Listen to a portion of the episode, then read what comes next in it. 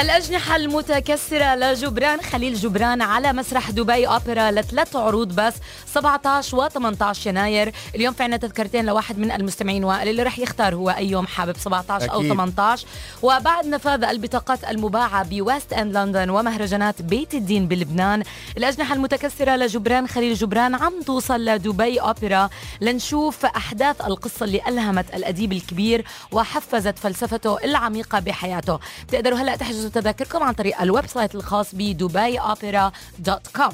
طيب إزاي نربح التذكرتين دول؟ ده هيكون عن طريق المشاركة في فقرة قلنا وقالوا. اسمع يا هرم واسمع يا بي كلام مهم هنقول عليه.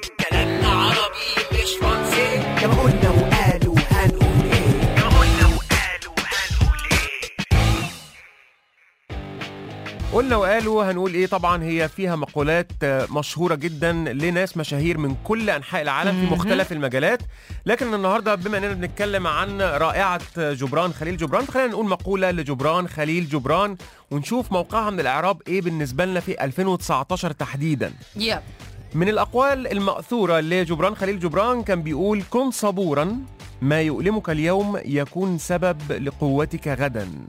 مم. okay طبعا عايزين نعرف مقدار صبرك في 2019 وإيمانك بالمقولة دي مع اسمك الثنائي على الأربعة صفر صفر أربعة هبة لو اديتي نفسك حاجة من عشرة في موضوع الصبر خلال مم. 2019 تدي نفسك كام؟ عشرة عشرة من عشرة قمة الثقة بالنفس okay لا حلو والله، بس عشرة. ده صبر يعني آه. الموضوع لازم آه، يبقى صبر مع إيمان بأنه كل شيء رب العالمين يعني رب الخير لا يأتي إلا بالخير هايل جدا. طيب عايزين نعرف منكم أنتوا تبعتوا لنا على الأربعة صفر صفر أربعة. من وجهة نظركم كنت صبور بنسبة كام في المية أو تدي نفسك كام من عشرة؟ على الأربعة صفر صفر أربعة مع اسمك الثنائي عشان تشارك معانا في السحب على two tickets لحضور الأجنحة المتكسرة لجبران خليل جبران.